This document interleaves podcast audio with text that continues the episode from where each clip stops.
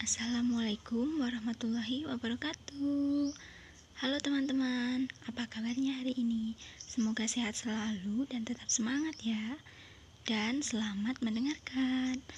Perkenalkan, saya Rizky Maulidina Dewi dari Universitas Negeri Yogyakarta Jurusan Pendidikan Kewarganegaraan dan Hukum dengan NIM 1940 1241 040 dari kelas PKNHA 2019. Nah, pada kesempatan kali ini saya akan membahas salah satu materi dari mata kuliah Hukum Islam yang sedang saya ampu di semester ini. Dan materinya yaitu asas-asas hukum Islam. Wah, menarik ya. Oke, jadi langsung saja kita bahas ya.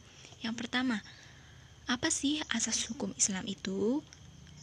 Asas hukum Islam merupakan dasar yang menjadi tumpuan berpikir atau berpendapat dalam penegakan dan pelaksanaan hukum. Nah, dalam asas hukum Islam ini juga terdapat asas umum hukum Islam. Yang pertama ada asas keadilan, yang kedua ada asas kepastian hukum, dan yang ketiga ada asas kemanfaatan. Oke, yuk kita bahas satu persatu. Yang pertama, asas keadilan.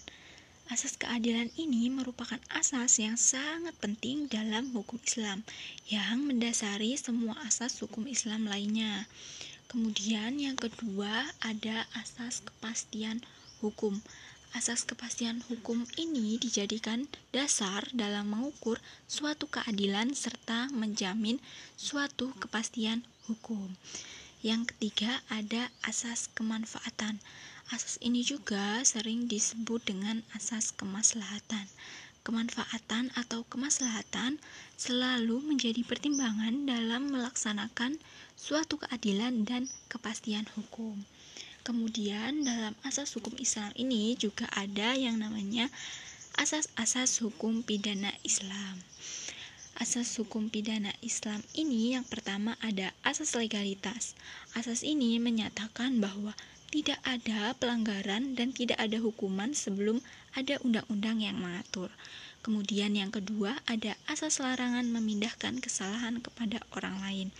Dalam asas ini berarti seseorang itu tidak bisa memindahkan kesalahan yang diperbuatnya kepada orang lain yang tidak melakukan kesalahan. Lalu yang ketiga ada asas praduga tidak bersalah. Ini berarti seseorang yang didakwa melakukan suatu tindak pidana harus dianggap tidak bersalah sebelum hakim menyatakan bersalah berdasarkan bukti-bukti yang ada. Selanjutnya yaitu uh, ada asas-asas hukum perdata Islam.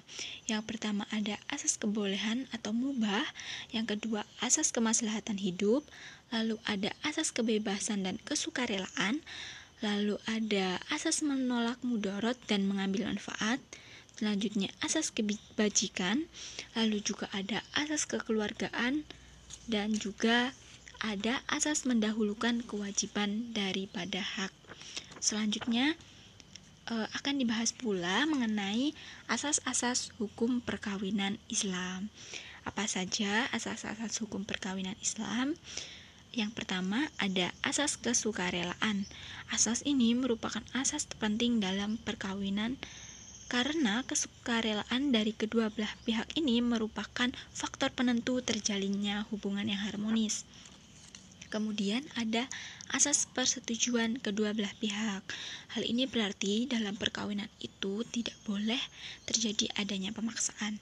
Selanjutnya ada asas kebebasan memilih pasangan, lalu ada asas kemitraan suami, ada asas untuk selama-lamanya dan asas monogami terbuka. Selanjutnya yang terakhir nih, yaitu mengenai asas-asas hukum kewarisan Islam. Dalam asas ini eh, ada yang namanya asas ijbari, yang kedua ada asas bilateral, lalu ada asas individual, dan ada asas keadilan berimbang yang terakhir asas akibat kematian. Nah, asas ijbari ini berarti bahwa peralihan harta dari seseorang yang meninggal dunia itu berlaku dengan sendirinya dan menurut ketentuan Allah. Dan asas bilateral berarti seseorang yang menerima hak warisan dari kedua belah pihak dari pihak kerabat keturunan laki-laki dan dari pihak kerabat keturunan perempuan. Demikian yang bisa saya sampaikan, kurang lebihnya mohon maaf. Wassalamualaikum warahmatullahi wabarakatuh.